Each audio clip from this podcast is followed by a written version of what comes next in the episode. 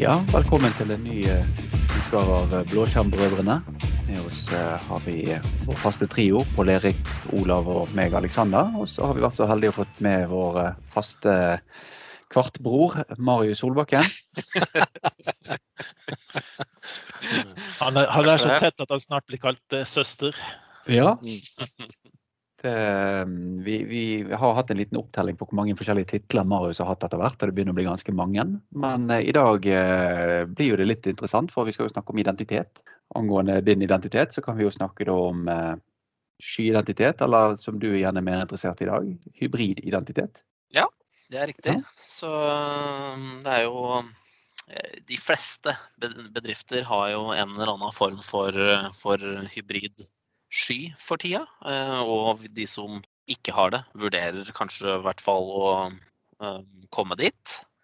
Eh, sånn at det, der er jo det vi tenkte å prate litt om, er jo hvordan, hvordan få identiteten din ut i AD med AD Connect og litt sånn moro.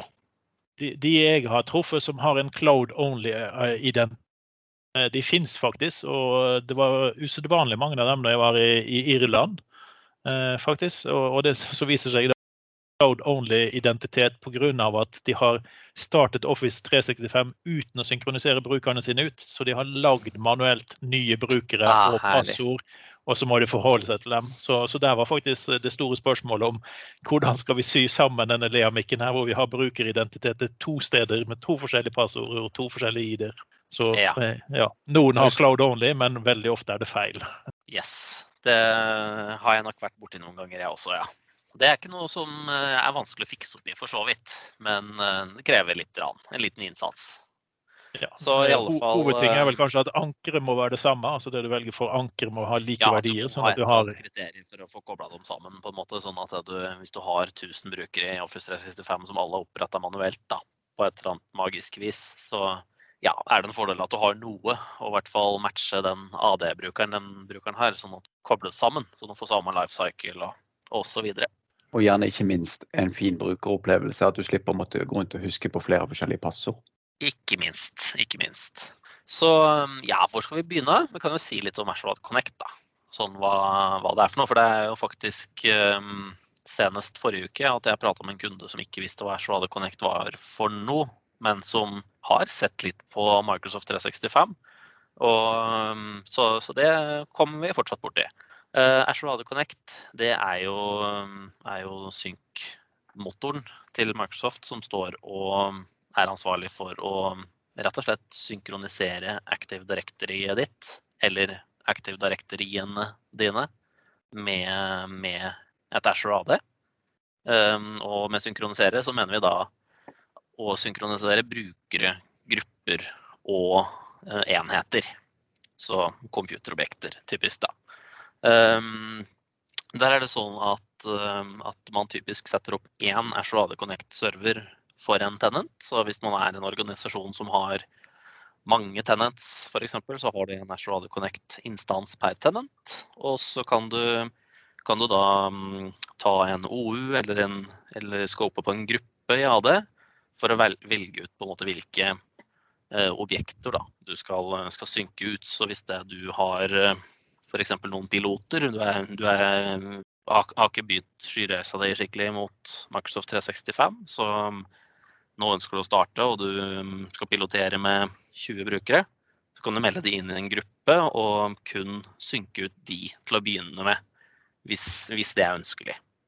Um, da har du jo en eh, fantasillion med forskjellige innstillinger eh, som du kan, kan, gjøre på synken. Standardinnstillingene funker jo selvsagt veldig greit. Og du har også en sånn express-setting. Setter opp absolutt alt for deg, helt standard. Ehm, da skrur den på, på mm, noe som kalles seamless SSO og passord hash sync. Vi kommer tilbake til de litt senere. Ehm, den setter opp sånn at hele AD-et ditt synkes, alt av brukere, alt av grupper osv. Og, og, og gjør alt på en måte helautomatisk. Og så kan du for så vidt gjøre om på den konfigurasjonen senere. Men for enkelte, i hvert fall små, så, små øh, firmaer, så er jo det en grei løsning.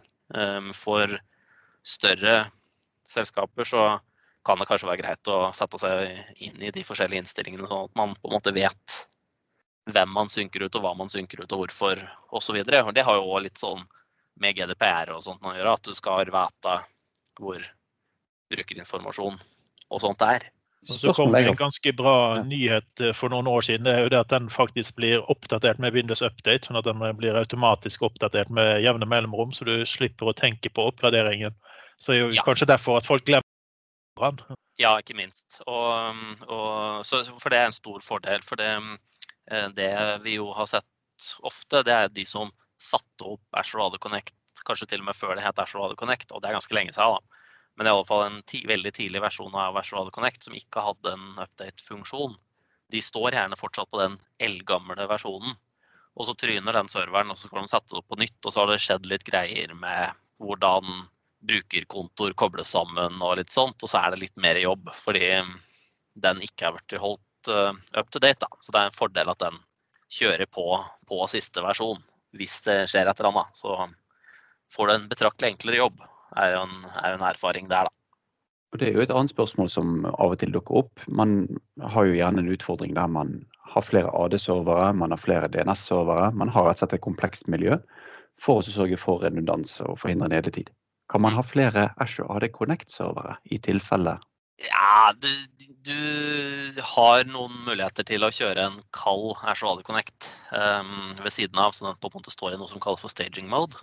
Um, men sånn generelt så har vi vel sett at det fører bare til høyere kompleksitet uten at det egentlig gir noen særlig verdi. Så, så hvis du er veldig stor, altså type du har 50 000 pluss brukere, um, da for all del kan det være en fordel at det, hvis det er så var Connect-serveren uh, tryner, og du skal sette opp en ny, så tar det ganske lang tid å kjøre den initielle synken. For det må jo på en måte da gå gjennom og koble sammen absolutt alle brukere og sånt på nytt. For at den nye serveren skal få oversikt. da. Eh, det tar ganske lang tid hvis du har mange brukere, så da kan det for så vidt være en fordel. Men sånn, har du si 5000 brukere eller færre, da, så mm, glem hele den ekstra kompleksiteten. Det er helt meningsløst. Fordi det, det som jo skjer, er at um, om den stakkars Ashore Connect-serveren din skulle tryne, da, så ja, da stopper synk fra AD til Ashore AD. Men Ashore AD ditt vil jo fortsatt fungere. Og det er bare at det, det står på en måte da frøs inn i, eh, i den statusen det var i det den serveren gikk ned. Som betyr at hvis du disabler en bruker i AD, så blir ikke den disabla i Ashore AD. Hvis du endrer passordet i AD, så blir ikke det passordet synka til Ashore AD. Eksempelvis. Så det, er de endringene som da ikke vil skje inntil du har fått satt opp den nye Ashore Connect-serveren.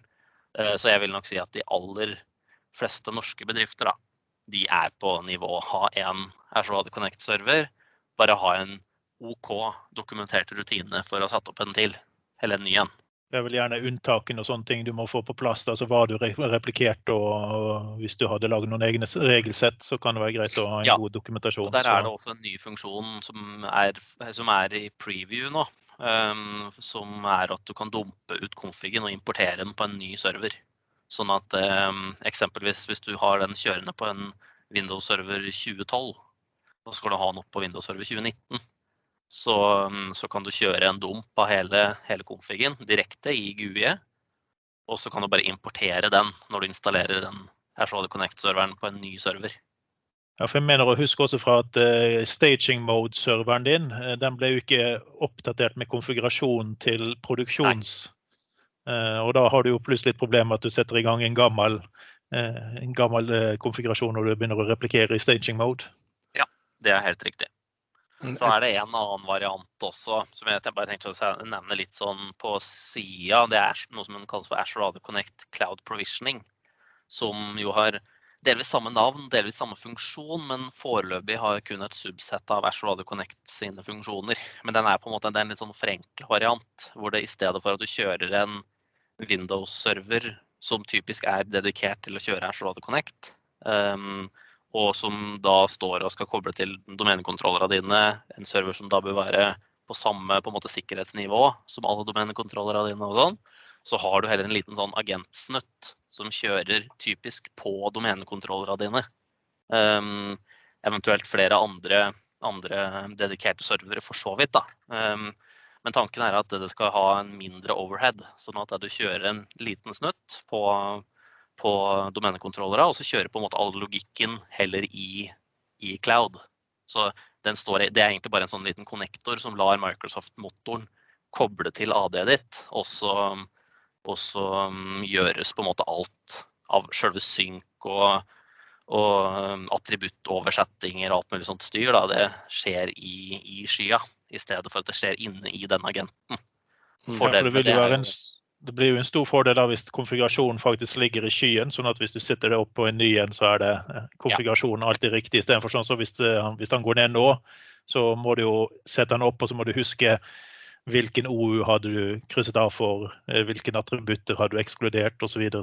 Ja, så da ligger konfigen i skya, og så kan du ha flere agenter samtidig som er aktive, sånn at den bare lastbalanserer på, en måte på, den, på de. Og um, hvis det er en tryner, så bruker den bare en annen. Og det, er mye bedre designa på den måten, da.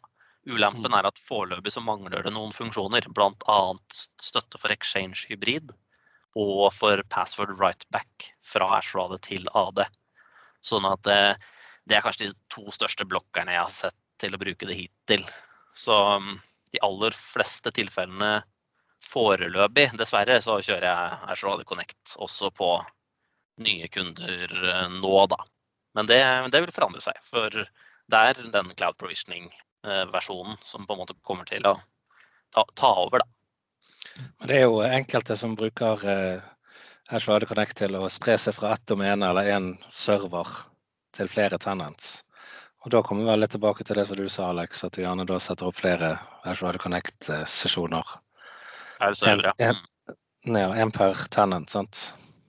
Ja, det har jo vært sine formål. Sant? Men som Marius påpekte med staging mode, at man har gjerne ikke redundans, men man har forskjellige operasjoner til forskjellige formål. Ja, nei, altså, Hvis du skal ut i flere tenants, så har du på en måte en org som du av en eller annen grunn da, må dele opp. Så, så kjører du en, da, da, må du ha en instans per. Og så, ja. Jeg, jeg tenker det, Vi trenger ikke å gå inn i det scenarioet, egentlig. Men det er ikke noe mer komplisert annet enn at du må gjøre den samme operasjonen flere ganger. Strengt tatt. Og så kan du si at ja, det selskapet er i den O-en, og det andre selskapet er i den andre O-en. Og så synker vi den O-en til den ene tenenten og den andre O-en til den andre tenenten. Mm. Rett og slett. Mm. Og det er vel så, en av de tingene ikke du kunne ha gjort med cloud provisioning? Eh, nei, altså der, der, gjør du på en måte eh, Du, du har OU-scope der også. Eh, så, så, du kan egentlig gjøre akkurat det samme der. Mm. Så det, det er ikke noe problem. Um, yes, så en, Kanskje en av de tingene som vi får spørsmål om, da, om oppsett av Virtual Connect, det er jo autentisering. Og det er jo omtrent et eget fagfelt. uh, altså mitt fagfelt. Så, ja. så uh, der, der, er det jo på en måte fire begreper egentlig som, som brukes. Det er federation, det er pass-through authentication, password hash sync og seamless SSO. Så um, det som jo gjerne er, er at det er federering nå. Det, det, det betyr jo da at du tar uh, Ashore AD ditt, og så benytter du typisk uh, ADFS, også Active Directory Federation Services, som er en type on-prem-servere som, som, tilbyr AD-autentisering på noen åpne protokoller. Så federerer du rett og slett Ashore AD mot de ADFS-servere, som gjør at du får single sign-on.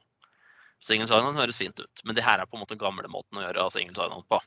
Så det er mange år siden jeg har satt opp uh, federering av uh, Ashore AD mot ADFS nå, fordi det er veldig lite poeng. Um, det, det, er jo sånn da at det, det, du egentlig gjør, er at du tar Ashore AD, som jo er, um, er um, Hva skal man kalle det? Global scale og uh, hyperredundant. Og så gjør du at all autentisering som, som Ashore AD skal tilby, eh, er avhengig av noen on-prem-servere. Og i min verden så gir det veldig liten mening. Um, så på en måte ulempa er at du har høyere kompleksitet, du har, har eh, avhengighet av on-prem. Um, du har da de servera du må patche og sørge for at funker. Kanskje du ikke har noen folk som kan ADFS, sånn at det er egentlig bare noen servere du har satt opp som er driftskritiske, som ingen kan en dritt om. Og så har du det gående.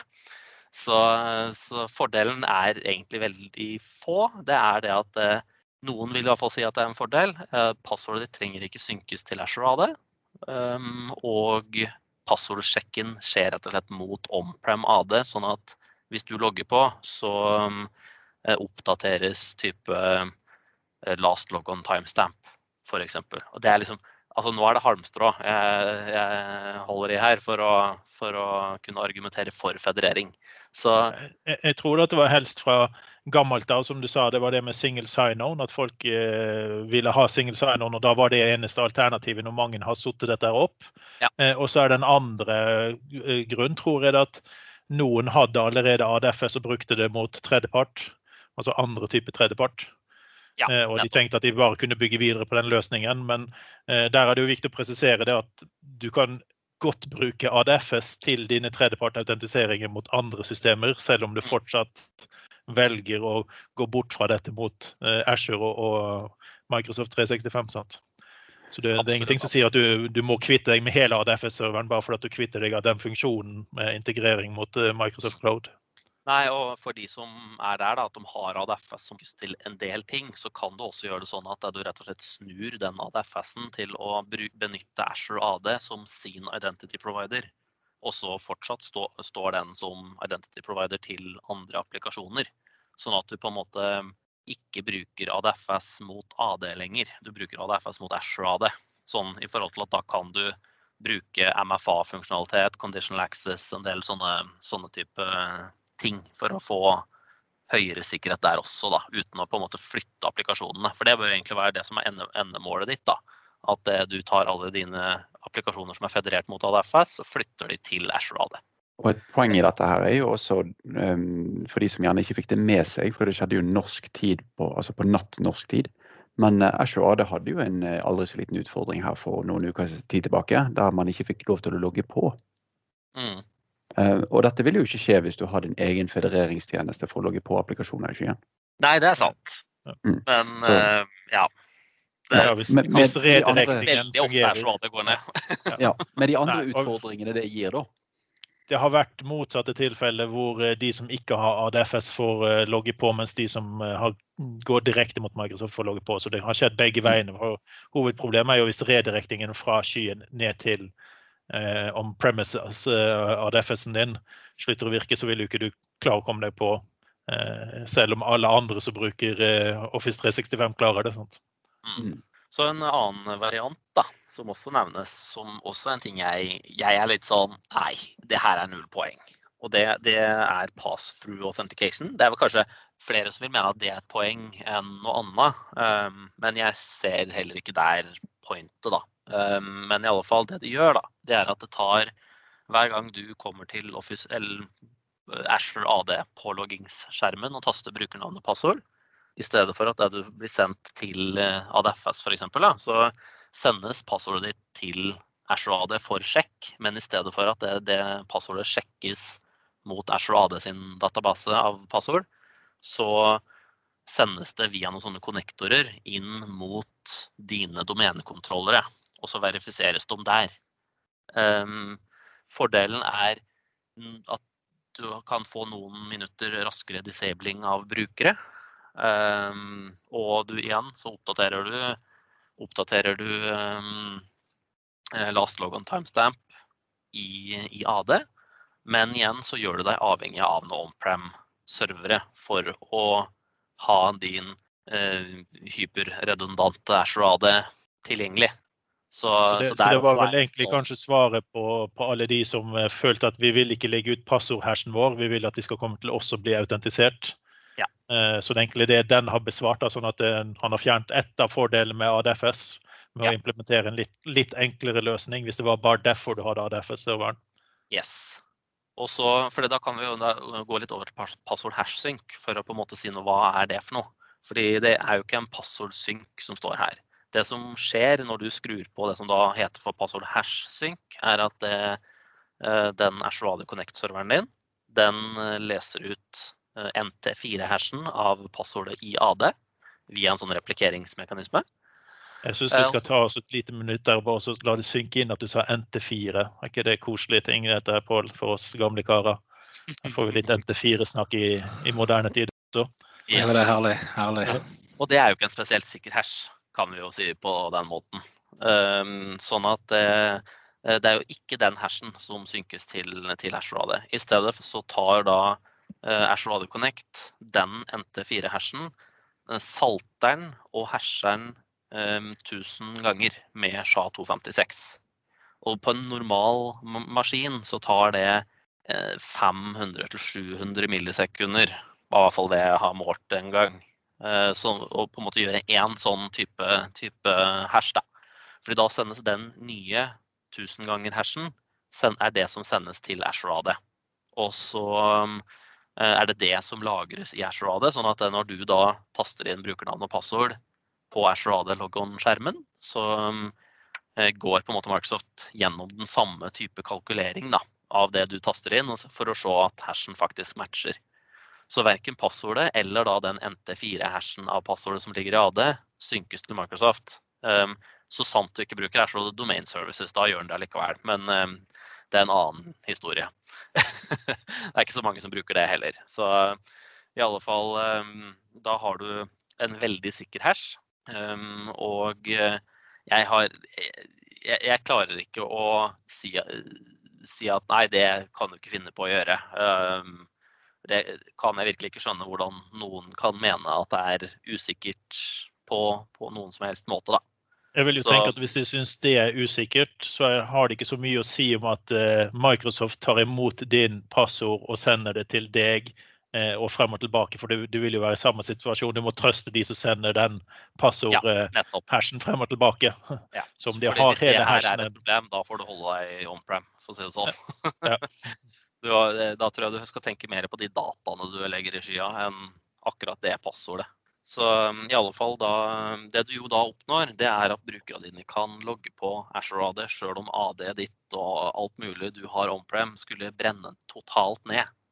Sånn at, det, sånn at det, da kan du gjøre sånn at um, du kan, Eller du kan også kombinere de, da. Sånn at du kan ha på f.eks. passord hashsync med federering. Sånn at passord hashsynken egentlig bare står her som en backup. Og så fort de ADFS-serverne dine tryner, som jo er en eller annen dag, så kan du skru av federering, og så vil den passord-hashen ligge klar i Ashore Radio og kan brukes når som helst. Og det her var da det som, som Mersk Shipping gjorde. De har jo en sånn noen og 30 000 brukere. Eh, de ble jo utsatt for kryptovirus og alt mulig sånt styr. Eh, det kan du finne masse info om. Eh, og de hadde jo da passord-hashen liggende i skya. De brukte federering da. Det her er jo en god stund siden. Men da skrudde de av federering. Av, sånn at det ikke var noe single sign-on til Office 365. Og det var jo litt med å gjøre at de ønska å hindre det kryptoviruset i å det også da, bruke single sign-on inn i Office 365. For det er jo ikke bare godsinna ting som kan bruke single sign-on, det er jo også ondsinna ting.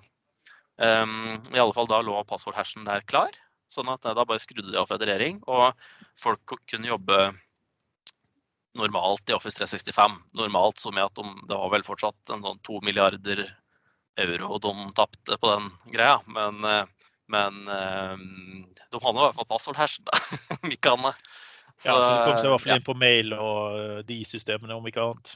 Ja. Yes, det er riktig. Um, ja, så, og siste på en måte begrep som vi nevnte litt her nå, det var seamless SSO. Nå har jeg kommet på et nytt begrep som jeg også må nevne, som er hybrid join. Det kommer vi jo til. Um, og seamless SSO, det er um, den, kall det, nyeste måten å ha single sign-on fra AD til Ashore AD på. Uh, fordi du kombinerer det med hybrid join. da. I alle fall Seamless SSO det gjør at ditt, ditt eh, Ashore-AD får et, uh, får et Kerberos-endepunkt um, og, og en computerregistrering i AD. Og så, um, og så, brukes det rett og slett Kerberos-pålogging direkte mot Ashore-AD. Det må du ha hvis du f.eks. da skal ha single sign-on fra Windows 7 og sånn uten å bruke ADFS. Um, ja, må og må. Du har igjen da, masse varianter her, da. Eh, for, så, så det, som, det, som, da skjer, er at du kan ta din eh, vanlige Kerberos eh, primary refresh Nei da. Ticket granting ticket. Det blir mye begreper. og så kan du få full, full SSO inn, inn, fra en helt vanlig Kerberos-sesjon inn i Ashradet. Og det som da òg gjerne gjøres her, er at um, um, man bruker hybrid join. For det er på en måte det som er den nyeste og beste måten å få full single sign-on inn i Ashradet på. Det som da skjer, er at eh, alle, alle enheter uh, som du har i AD, typisk da egentlig Windows 10, men du kan installere en pakke på Windows 7 og Windows 8 igjen også for å få hybrid join. Det som da skjer, er at din device den har et AD-join, så det er på en måte primære joinet. men den får også en kobling mot Azure AD som gjør at det, eh, når du logger på, da, sitter på låseskjermen og så taster du brukernavn og passord og logger på PC-en, så først så logger, logger den på AD. Um, ehm, og får Kerberos token og alt mulig sånt der. Men samtidig så logger den på Azure AD. Så den gjør på en måte en dobbel pålogging uten at du ser det. Da um, Da vil den hente noe som kalles for et primary refresh token, PRT, som, uh, som um, ligger på lik linje som på en måte påloggingstokenet ditt i Kerberos som heter Ticket Granting Ticket. Men i alle fall, eh, det er noe du kan benytte mot Azure AD da, for å si at sjekk, det er meg. Da stoler han på det, fordi den, den, har på en måte en sikker kobling. Um, og da har du single sign-on inn i alt av Azure AD-tjenester og da type Microsoft 365-tjenester by proxy. da. Så um, det er den aller nyeste metoden. Så alt dette her Ehm, er noe som en, når, når en setter opp Bachelor Connect, så bør en se litt på hvor er det vi bør gå. Og dit du bør gå, nesten usett, det er passord hashsync med hybrid join. Det er på en måte uten tvil det oppsettet du bør kjøre. Og nå fikk jeg tommel opp på, på videoen her og ser jeg. Har du noe input, Pål? Nei, jeg, jeg, jeg, satt og hørte på deg, og så håpet jeg at du skulle avslutte med det du avsluttet med. Det var bare det. det var veldig bra. For det, alle disse konseptene og begrepene og ticket granting service og det, det blir veldig stort. Men, men, det at du havner på på en måte eh, Dette bør du gjøre, det liker jeg. Mm. Ja. Jeg er traumatisert av å ha lest masse på dette tidligere, så jeg fikk masse sånn flash, flashback. Før, altså. ja, jeg har uh, gått gjennom dette. Jeg fikk uh, flashback-følelser uh, med en gang. Hørte helikopterlyden fra Vietnam og sånn. det var litt eh, fascinerende når Marius begynte her med Kerberos og ticket issues, ticketing og litt sånn, så fikk jeg, fikk jeg, flashback tilbake igjen til undervisningen i database, der alt handlet om linjelange matematiske formler for normalisering, når det egentlig, når det egentlig bare kan kokes ned til Mm, nei, det holder med en enkel visualisering. Mm. Ja, det, Marius har en tendens til å kunne vite absolutt alt. Uansett hva jeg spør han om, så har han et godt svar. Eh, imponerende. Marius, hva er meningen med IT? 42. 42, ja. 42. Mm. Det, er også, altså, jeg, det, er, det, er jo enormt mye som uh, har skjedd med uh, identitetshåndteringen i Microsoft-skyen. Eh, men der jeg stiller meg et spørsmål, det er eh, vil vi noensinne få noe som kan erstatte MIM-funksjonaliteten, Microsoft Identity Manager? For eh, den er jo steingammel, og det skjer jo veldig lite med den. Det er fortsatt ja. folk som kaller den FIM, for det første. Ja, ja nei, det skjer masse hjertesvade med det. Det må sies. Det er vel ikke alt jeg kan si rundt det som skjer der. Men eh, altså det, det, du har i dag i Ashwade, da eller, eh, La oss heller gå ett steg tilbake for å forklare hva er det vi egentlig tenker på. Jo, vi tenker på hvordan er det den nyansatte brukeren din får brukerkonto. Eventuelt hvor, hvordan er det en eller annen ansatt um, som slutter, ikke lenger har brukerkonto. Han personen som skal bytte avdeling, hvordan er det på en måte den informasjonen flyter inn i systemet ditt. Så det er egentlig at du har noe HR-type data og så, og så på en måte forårsaker det endringer i AD eller Æsj og AD. Da. Det er jo det vi egentlig prater om her i hovedsak. da. Ja. Uh, og det som uh, allerede er på plass, det er på en måte kobling mot tre um, SAS HR-systemer. Så det er Workday, det er um, Oracle HCM og, og um, SAP Success Factors. Det er jo tre forskjellige sky-HR-systemer. Eh, og der er det sånn at du kan koble det direkte på Azure AD, og da også med hybridkobling mot AD. Sånn at det, når, uh, uten at du trenger på en måte å ha noen egen server og egen tjeneste for det her, da, så dras de HR-dataene inn i Azure AD sin, sin motor. Og så, og så masseres det litt der. Og så får du brukerkonto sånn basert på litt regler. Sånn enkelt fortalt, da. Det som vil skje, øh, og her, her kan jeg ikke gå inn på altfor mye detaljer, men det som på en måte er åpenbart at vil skje, det er at det er ikke bare de HR-systemene som vil bli støtta. I stedet så vet jo Microsoft at det fins lokale HR-systemer i hvert land. Jeg vet ikke hvor mye bare norske HR-systemer som finnes. Det er mange. Og det er klart at Microsoft kan ikke jobbe med alle de HR-leverandørene for å integrere. Så i stedet så kom, vil det komme et åpent grensesnitt som på en måte er ikke graf, men laga for at her kan du fòre inn HR-data. Og så er det en motor som er samme motor da, som brukes mot uh, Success Factors og Workday og sånt i dag. Um, hva den blir heten, det, det, vet vi ikke, men det har nok noe med life cycle management å gjøre. Og så, og så um, får den en del funksjonalitet. Um, hvor du kan sette opp sånn type her er det som skal skje tre dager før um, ja, en, en, eller annen bruker får ansettelsesdatoen i dag, liksom. Altså tre dager før han begynner, da. Så skjer det et eller annet. Det går en melding til leder eller forskjellig sånt. da. Eller 14 dager før den begynner, så aktiverer vi brukerkontoen, og det sendes info hit og dit og, og sånt. Så det er definitivt på vei. Vi er nok der at det, siden det ikke finnes per nå, så er vi sånn at um, vi bruker fortsatt MIM til å gjøre akkurat den ene operasjonen. Altså eh, lag bruker, um, deaktiver bruker, slett bruker. Så join, remover, lever-type prosess. Eh, og den å sende ut e-poster til leder og, og, sånne ting. Du bruker MIM til det. Eh, som du sa, Ola, MIM utvikles ikke noe mer. det kommer ikke noen ny funksjonalitet der. Men det er jo et veldig godt produkt. Eh, ja, det er i hvert fall en funksjon som veldig mange trenger for å få gjort noe. Og det har vært eh, ja. relativt fornuftig strukturert i forhold til konkurrerende produkter. Da. Ja, og sånn prismessig, hvis du har Ashore Premium P1 eh, f.eks. via Microsoft 365 E3, så har du jo MIM med ikke bare synkmotoren, som er gratis i utgangspunktet, men også med, med MIM Service og MIM Portal, som ikke at du, trenger, du vil ikke slippe sluttbrukerne dine der, for den portalen ser ikke ut i måneskinn. Men uh, i alle fall, um, du har masse workflow-funksjonalitet og sånt der, så du kan sette opp sånne type ting som at vi skal generere brukernavn og brukerkonto da, 14 dager før den begynner og, og sånne ting. Og det, men i alle fall, Min strategi nå da, det er at vi holder MIM til ren lifecycle management av brukeren, og så gjør vi alt annet i Azure AD.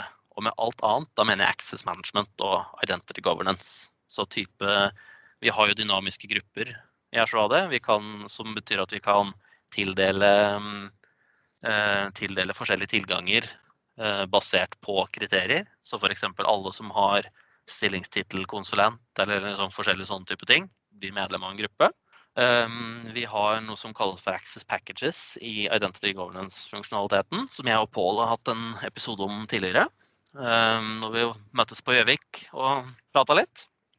Ehm, da, der, der, har du muligheten til å gruppere masse forskjellige tilganger. Så du kan si at alle faste ansatte f.eks. har en tilgangspakke som eh, Eller de får tildelt den, da.